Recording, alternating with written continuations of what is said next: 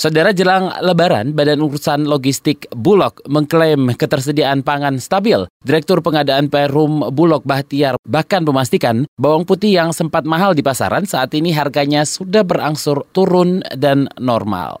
Ya, tapi sebenarnya supply sekarang ini bawang putih pun sudah tidak ada persoalan ya. Kemarin kita cek di beberapa pasar ini sudah mengalami penurunan.